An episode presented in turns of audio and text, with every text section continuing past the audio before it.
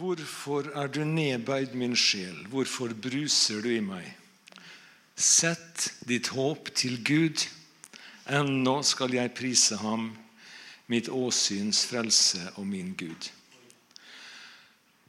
Det står i Salme 42, vers 12. Dette var en tanke som jeg fikk eh, i går på dagen. Bli minnet på dette verset, sett, eller denne setninga 'Sett ditt håp til Gud'. For det er sånn, Når, når du skal forberede og, og, stille det fram her for å, for å Jeg kaller det for preke, men for å dele Så er det en prosess du må gjennom. Det begynner med en inspirasjon, en tanke, en opplevelse, og så bygger det på, og så bygger det på, og så bygger det på, og så kommer det stadig noe nytt. Merete spør meg er du, er du ferdig med prekenen etter søndag. Og da må jeg bare si nei. Ikke før jeg setter meg igjen. Da er jeg ferdig. Eh, og det er litt morsomt. Eh, vi begynner i dag med Hvis du vil ha ei overskrift Det er ingenting på skjermen i dag. bare så det er sagt. Hvis du vil ha ei overskrift, så kan du sette en litt merkelig setning. Fatt mot mennesket. I en konsentrasjonsleir i Polen under andre verdenskrig så sitter en jødisk fange, en ung mann, sitter og ser på sin far, som er rabbi, som tar den siste lille klumpen med margarin de har, og former den til et sabbatslys med en ulltråd som veker. Og så tenner han dette lyset, og så, og så ber han da de bønnene som hører til sabbatsfeiringa. Og gutten han protesterer. Han sier, 'Men pappa, dette er jo den siste maten vi har. Og eh, Faren han ser på sønnen sin og sier at eh, vi kan leve lenge uten mat. Men lyset det symboliserer håp, og vi kan ikke leve en dag uten håp. I dag så handler det litt om håp. da. Det handler om Han vi alltid kan sette vårt håp til, Han vi alltid kan stole på. Den trofaste, nådige, evige Gud som alltid er hos oss, som alltid er i oss, og som alltid er med oss. Han styrker oss, han gir oss mot, han gir oss tro, han gir oss framtid.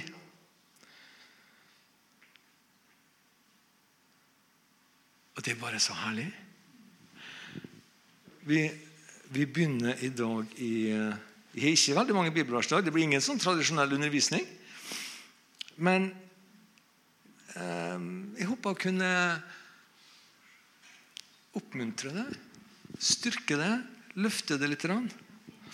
Første Korinterbrev 16, vers 13.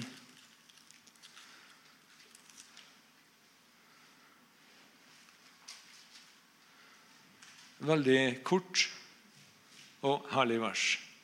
Våk. Stå faste i troen. Vær modige, vær sterke. Noen ganger så møter vi eh, en viss motstand. Jeg som er et sånn følelsesmenneske, møter veldig ofte motstand i min eh, emosjonelle verden. ikke sant? Jeg, la oss si det sånn, jeg blir gjerne emosjonelt utfordra til tider. Dette er mitt svake område, og der blir selvfølgelig da aller oftest angrepet. Det kan være en omstendighet som går inn på meg. Det kan være en situasjon jeg står i som ikke ser løsning på. Eller et vanskelig minne som dukker opp, ting som har skjedd i fortida som kan være veldig utfordrende. Eller hva som helst. Det er ikke sånn at det er noen sånn emosjonell berg-og-dal-bane. Jeg ser meg sjøl som egentlig veldig stabil. Men noen ganger så blir opplever ting ganske tøffe. En dag eller to. Og så kommer Herren med en motvekt som bringer på en måte verden i balanse igjen og setter meg på rett kjøl, så jeg får se hva som er hva. For vanskeligheter er ikke vanskelig for alltid. Tøffe ting er ikke like tøff for Alltid. Herren er med oss, og han vil gi oss den styrke vi trenger til å bære de tunge tinga så lenge vi trenger det.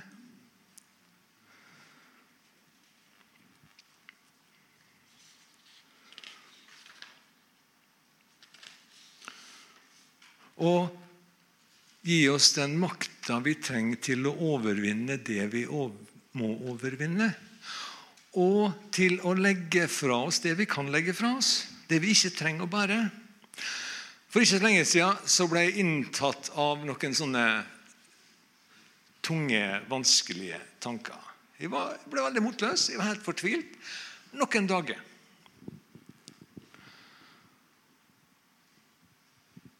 Og jeg visste akkurat hva som skjedde. Vi ble angrepet på et punkt der de ikke hadde garden oppe. Det som skjedde var at Vi fikk besøk av et ungt par. En studiekamerat fra høyskolen og kjæresten hans. De kom til oss på en lørdagskveld. Vi grilla og vi hadde et kjempekoselig kveld sammen. Satt lenge utover kvelden og prata.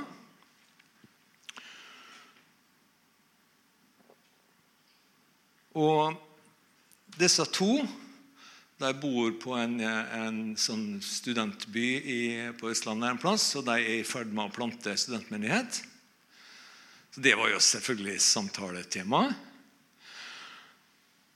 Og Jeg ga dem litt råd, og jeg lovte å stå med dem. Og om ikke var så veldig fysisk involvert, så kanskje ta en tur og, undervise av og til. Eller, for de mangla jo selvfølgelig undervisningskrefter, sa de. Og lovte selvfølgelig å stå med deg i bønn og støtte deg på den måten. Og Dette var det så klart en som ikke likte. Og så kommer det kastende på meg et sånn tungsinn. Og jeg var ikke forberedt. Jeg var ikke skikkelig våken. De kom til oss på lørdagen, vi satt og prata, og så på tirsdagen så kom det et sånn skikkelig sånn tøft angrep. Og jeg var ikke forberedt, og jeg gikk rett i kjelleren. Selvfølgelig burde jeg ha tatt de tankene til korset med en gang. Men det, jeg var ikke våken nok til det. Så jeg hadde et par skikkelig tøffe dager. Men så En dag i veka så leier jeg bil i jobben til utkjøring.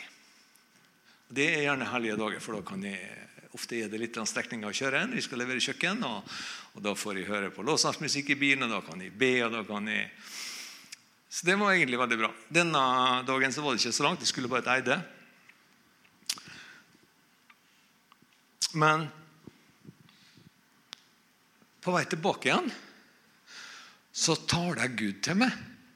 Det, det, det, han gjør jo det, rett som det. Men, men denne gangen så var det en veldig spesiell opplevelse. Ikke sånn med, med, med flammer på himmelen og tordenrøst. og sånn, Men bare en sånn liten god sånn stemme inni meg som sier Fatt mot, menneske. Og det løfta meg bare så utrolig. Bare disse tre små, enkle ordene. Fatt mot, menneske.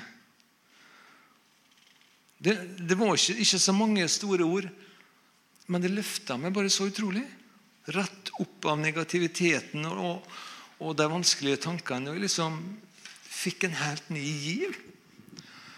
Og Så begynner jeg å tenke på andre da, som har blitt styrka av lignende tiltale. Bibelen har jo flere fortellinger om det. Kan du huske Josva? Han sto overfor en enorm oppgave som han har blitt tildelt. Og som han har blitt trent for og opplært til. Han hadde vært Moses sin nestkommanderende. Moses sin venn og Moses sin nærmeste hjelper. Og Etter at Moses var død på Sinai-fjellet, skulle Josfa ta over og lede folket inn i løfteslandet. Og Moses hadde innsatt han som leder. Hvis vi leser i 5. Mosebok kapittel 23, så taler Gud til Moses og sier at han er ferdig med oppdraget sitt og snart skal forlate jorda. Gud gir ham tid til å innsette Josfa og skrive ferdig lovboka. Og I 2331 så innsetter Moses Josva med de samme ordene som Herren sjøl taler til Josva i Josva 1,6, 1,7 og 1,9. Vær sterk og modig. Og Josva ble styrka av disse ordene. Det er jeg helt sikker på. For han leda et folk på ca. 3 millioner inn i et land som ikke ville slippe deg inn. De måtte ta det med makt fra de som allerede bodde der. Landet var lovt til deg av Gud gjennom Israels stamfar Abraham. Så de hadde retten til det. Men de som bodde der, anerkjente ikke den retten. Josfa trengte all styrke og alt mot han kunne mønstre for å fullføre den oppgaven.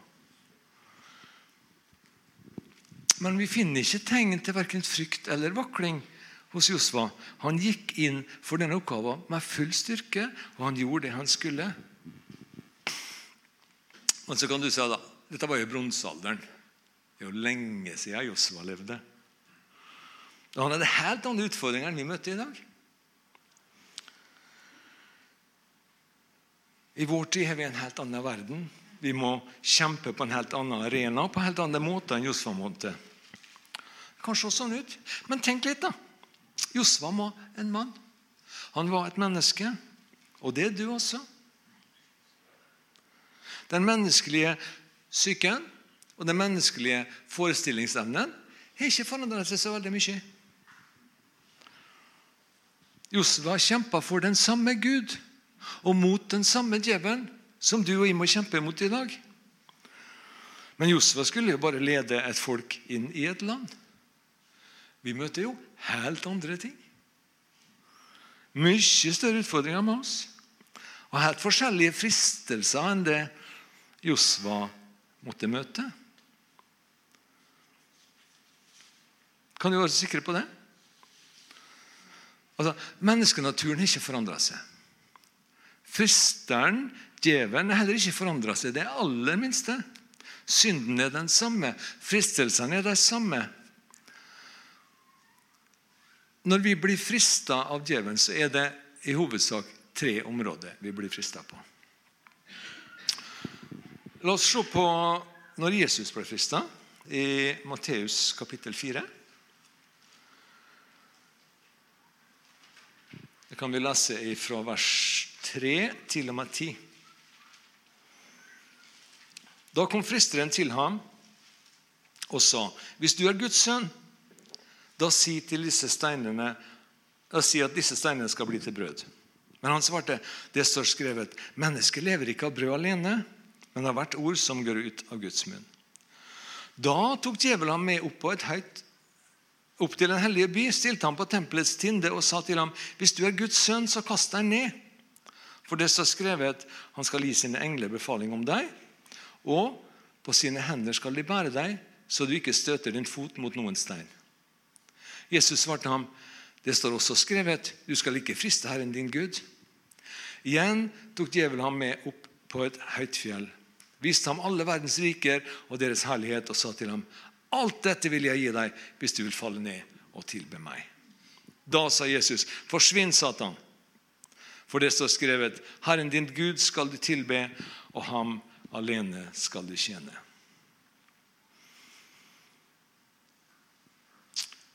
Hvilke områder er det Jesus blir frista på her? Steinene skal bli til brød. Det er kjøttets lyst.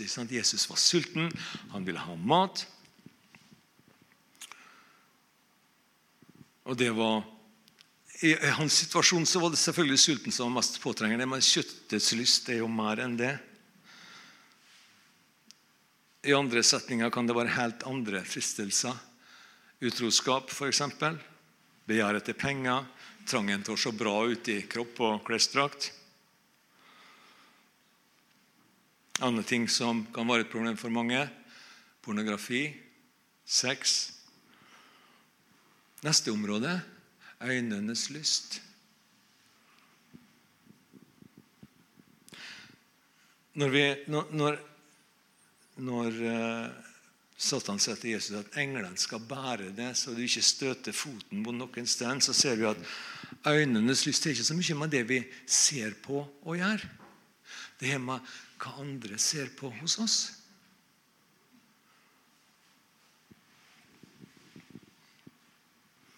Begjæret etter å bli sett opp til. Begjæret etter å få ære fra andre, se bra ut for å kunne hevde seg i samfunnet. Andre skal se hvem jeg er, se hvor flott jeg er, se hva jeg får til, se hva jeg kan. Eller hva jeg kan lure det til å gjøre for meg. Og Dette henger også sammen med det siste området som Jesus ble frista i. Når djevelen lovte han alle verdens rike makt. Makt over andre. Makt eller maktbegjær kan ytre seg på så mange forskjellige måter. Fra å kue andre for å oppnå egne mål, albue seg fram for å få en høy posisjon sjøl baktale andre, manipulere eller lyge for å besegle den posisjonen vi allerede har. Eller å utøve en eller annen kontroll over andre for å tvinge fram min egen vilje. Det er to ting egentlig som jeg legger merke til når det gjelder disse fristelsene. For Det første er at det går veldig mye over i hverandre. Alt sammen henger sammen. Det er den ene tingen. Og det andre er at disse fristelsene har ikke endra seg en millimeter fra Edens hage og helt til nå. Hvis vi leser i, om, om, syndefallet, så ser vi at Eva ble frista på akkurat det samme måte. Akkurat det samme området. Så det er jo spennende. Noen ganger så kler de seg i forskjellig drakt. Men fristelsene er akkurat det samme nå som det var da. Og Josva hadde det helt sikkert ikke lettere i forhold til sånne fristelser enn du og jeg har. Men likevel var han trofast mot sitt oppdrag og fullførte det med glans på tross av all motstand. Herren hadde befalt han å være modig og sterk og å meditere på ordet. Med andre ord fatt mot mennesket og hold det til mitt ord. Vi må ikke være redde for motstand eller for motgang. Å møte motgang er en helt naturlig del av et menneskes liv. Selv om vi av og til kan føle det at uh, den motstanden som akkurat jeg møter akkurat nå, er mye hardere enn noe annen motstand som noen andre har møtt noen gang. Det gjør det ikke sånn. Vi trenger å takke Gud for den motstanden vi møter. For den styrker oss. Midt i motgangen så møtes vi av den evige, stabile, trofaste Gud som vi alltid kan sette vårt håp til. Takk Gud for motgang, altså. Fatt mot, mennesket. Herren styrker det. Han gir det nytt håp og gir det nytt mot. Og Dette her kan styrke det gjennom alle situasjoner du møter. Jeg har sagt det før, jeg har sagt det ofte, og jeg det, vi kommer til, fortsatt til å si det ofte. Gud en Gud som relaterer til vår tilnærming til Han. Merete var også inne på det samme. Vi velger Gud, så velger Han oss. Når jeg legger handa mi i Guds hånd, så slipper han meg aldri. Og det kan jeg alltid stole på. Når jeg strekker meg mot han, så strekker han seg mot meg. Når jeg ikke ser annen løsning på mine mer eller mindre overdramatiserte problem, og, og legger deg ned foran han, så løfter han meg opp. Og så bærer han meg gjennom det. Og så kvisker han stille i øret mitt.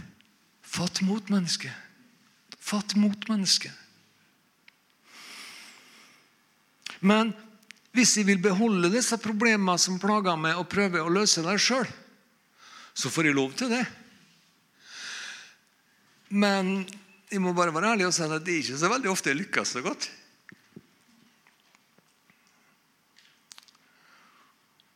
Gud møter oss midt i motgangen.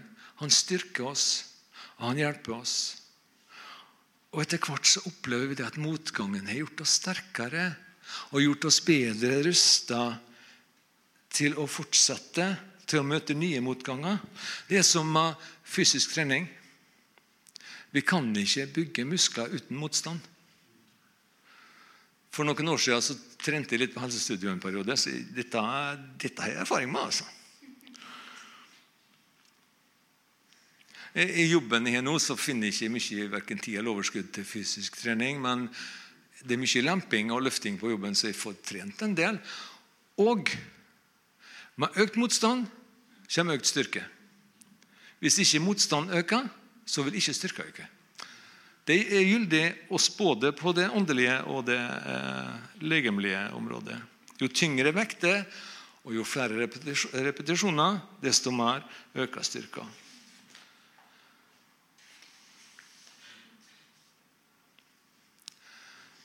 Fatt mot, menneske. Herren er aldri langt borte fra deg. Han er alltid nær. Han er alltid ved sida deg. Og han forlater det aldri. Noen ganger så hender det at vi ikke ser like godt at han er nær oss. At vi ikke hører stemma hans like tydelig. Men andre ganger så ser vi og hører det helt tydelig, og vi kjenner helt klart at ja, Herren er med meg. Enkelte av livets opplevelser er slik at de, at de stjeler så mye oppmerksomhet. Har du opplevd det?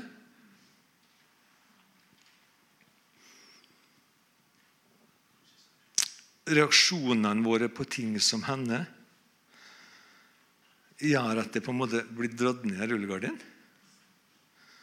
Så blir det mørkt. Så er vi ikke i stand til å se han. Men om vi skulle falle i ei synd en gang, eller to eller tre så er han der og løfter oss opp. Han er alltid like trofast. Hvis vi bekjenner vår synd, så er han trofast og rettferdig og tilgir oss. Altså, han drar seg ikke unna oss pga. det, men vi kan føle på en fordømmelse og dra oss unna han. Derfor må vi være så raske med å, å innse at vi har feila, og bekjenne det for Herren. Merete og slett, vi har tre nydelige døtre. Alle sammen har vokst opp i menighet. Takk og lov for det. Og alle tre har blitt båret fram av menighetens og av våre bønner. Hvilke kristne foreldre er det som ikke ber for sine barn? Det er selvfølgelig ingen.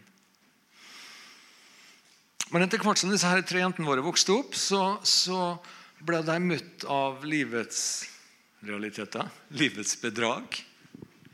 Og søkte litt ut fra både familien og fra, fra menigheten. De ble dratt bort ifra oss. Men vi Merete mest så klart, Det er noe helt spesielt med morskjærligheten. Vi fortsatte å be for dem.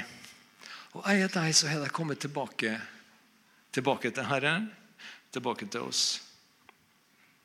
Og det er bare aldeles nydelig. Den evige, trofaste Gud har hørt vår bønne. Sjøl om vi ikke alltid kunne se han, så var han der. Han beskytta deg, og han kalte på deg. Og Dette har jeg sagt så mye i siste tida, og det er, hjertet mitt er så fullt av takknemlighet for Guds enorme nåde. Når Alle tre døtrene våre er aktive i menighet. Vi er to flotte, gode, sterke kristne svigersønner. Alle barnebarna våre får vokse opp i menighet. Det er jo bare ah, Kjære Gud, for en nåde, altså. Helt vidunderlig.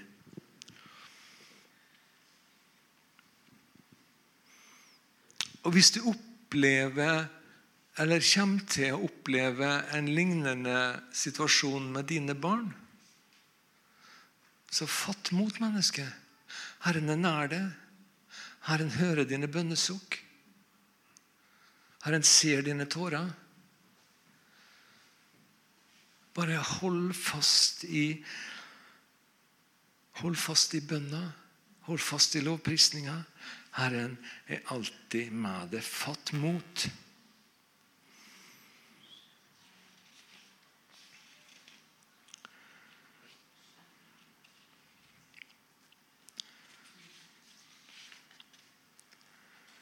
For din Gud, din evige, trofaste Gud, han er alltid opptatt av det. Opptatt av din hverdag. Han vil være en del av livet ditt, av hverdagen din. Han elsker å vise det sin interesse, han elsker å vise det sin omsorg. Han er nær det i det du gjør for han. Ofte kan vi bli slitne og tenke at det er utfordrende å skulle stå på hele tida. Fatt mot. Fatt mot, menneske. Gud ser det. Han kjenner hjertet ditt. Han har noen som vil stå med deg og støtte deg og hjelpe deg. Selv om du ikke ser det akkurat nå. Han ser dine sukk, og han hører dine rop. Han sender hjelp i rette tid. Han er den evige, nådige, trofaste Gud som aldri vil slippe det.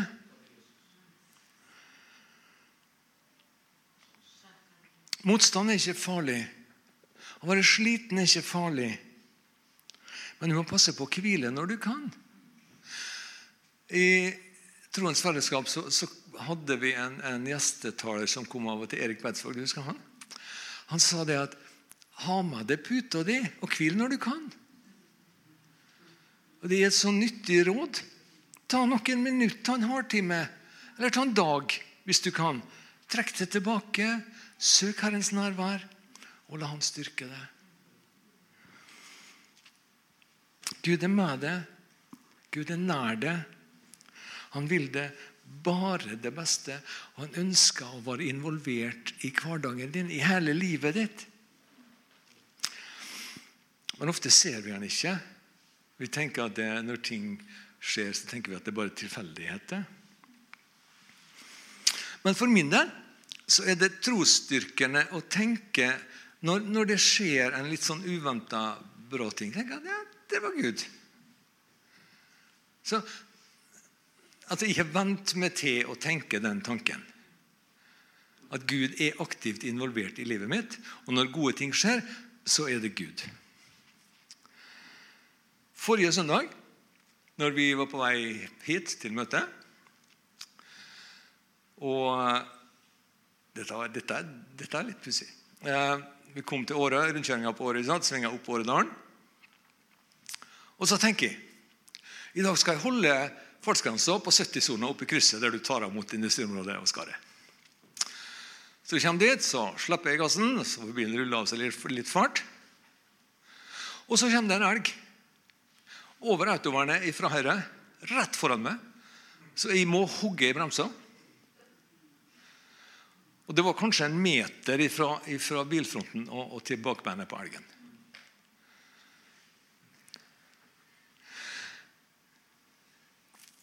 Og Jeg unngikk bare så vidt å kjøre på den. Hvis jeg hadde holdt da, den farta jeg hadde, 80 pluss,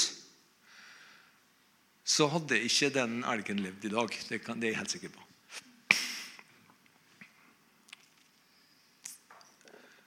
Jeg sier dette bare for å vise hvor, hvor involvert Gud vil være i livet vårt, i hverdagen vår.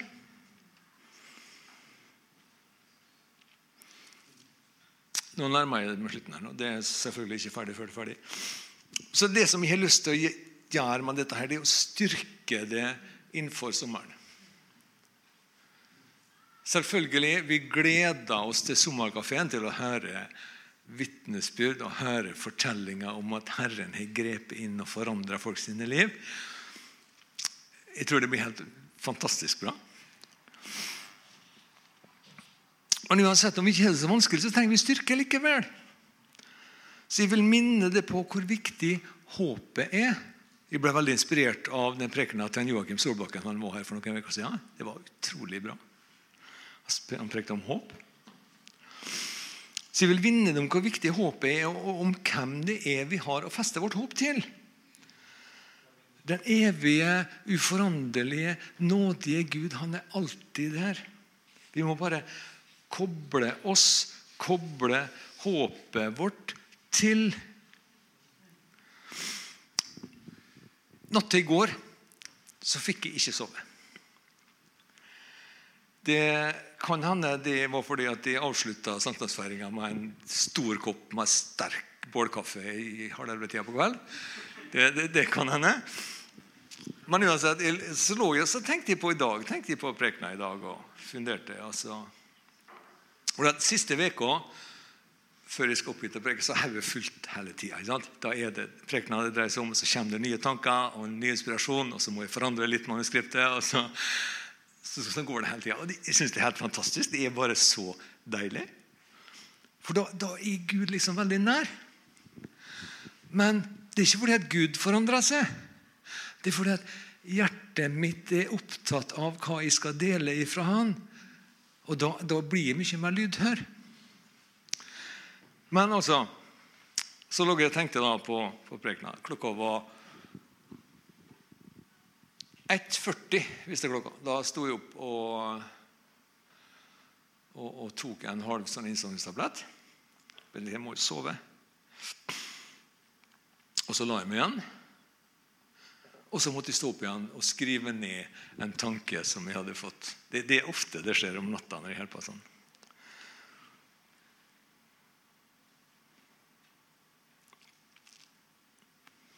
Håpet vårt, det er som et støpsel. Og når vi plugger det støpselet inn i stikkontakten, som er Gud, Guds ord, da er håpet vårt kobla til Gud. Og via ledninga så kommer det ei overføring til vårt liv mot styrke, energi, drivkraft, styring, dvs. Si egenkontroll av, av tanker og planer. Vi får drømmer og visjoner for tjenesten vår, for videre liv, for nåtid og framtid. Men når det blir vanskelig for oss, når vi møter utfordringer, så Kanskje vi føler at vi står alene i det vi holder på med. Kanskje vi, ting blir utfordrende, det blir for mye arbeid, det for, for lite, for få deler av arbeidet på. Kanskje vi opplever motstand på en plan vi hadde håpa for entusiasme på.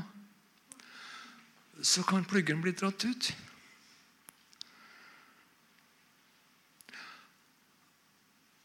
Da er ikke håpet vårt kobla til Gud lenger, på en måte. Og da kan vi så lett miste motet, vi kan miste optimismen, vi kan miste framdrifta. Ta et skritt tilbake. Pust ut. Pust inn. Kjenn at Gud er der. Kjenn at han hvisker i ditt indre.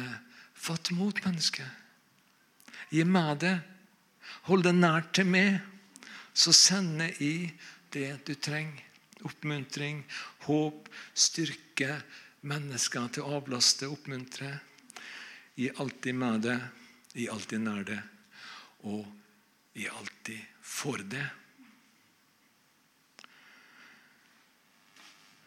Det var det jeg hadde på manuskriptet mitt. Og så kommer jeg I bilen i dag på vei hit så begynner det en setning som jeg har lest i Bibelen en plass, som begynner å kverne og kverne i hodet mitt. Og Så kommer jeg her, så tar jeg opp telefonen og bibelappen og så skriver jeg inn den setninga. Og så kommer det opp et, eh, et vers fra salmen Salmen er fantastisk lesing. vet du. To vers fra salmen. Salme 62, vers 2 og 3. Bare i håp til Gud er min sjel stille. Bare fra ham kommer min frelse. Han alene er min klippe og min frelse. Han er min borg. Jeg skal aldri rokkes. Og med det så bare takker jeg for meg, og så ønsker jeg en, en god dag og en god uke. Og så gleder vi oss til sommerkafeen neste søndag.